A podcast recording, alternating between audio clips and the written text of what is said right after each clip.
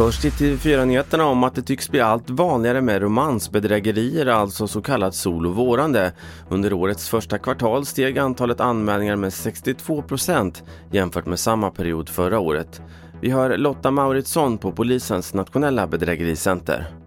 Kanske lite väntat att vi skulle ha den här med tanke på pandemin och att man kanske inte har träffats utan har sökt kontakter via digitala plattformar istället. Där ofta romansbedrägerier idag börjar. Barn bör kunna förbjudas och vistas vid särskilda platser. Det skriver justitieminister Morgan Johansson och andra regeringsföreträdare på DN Debatt. Förslaget syftar till att försvåra för gängkriminella att rekrytera barnen till kriminell verksamhet. Till sist, TV4-nyheterna kunde igår berätta att vaccinationer mot covid-19 för alla under 60 år har kommit igång tidigare än väntat på vissa håll i landet.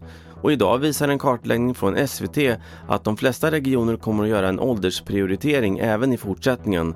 Från Folkhälsomyndigheten saknas rekommendation om turordningen bland personer i åldrarna 18 till 59 år. Det var senaste nytt från TV4 Nyheterna. Jag heter Carl-Oskar Alsen.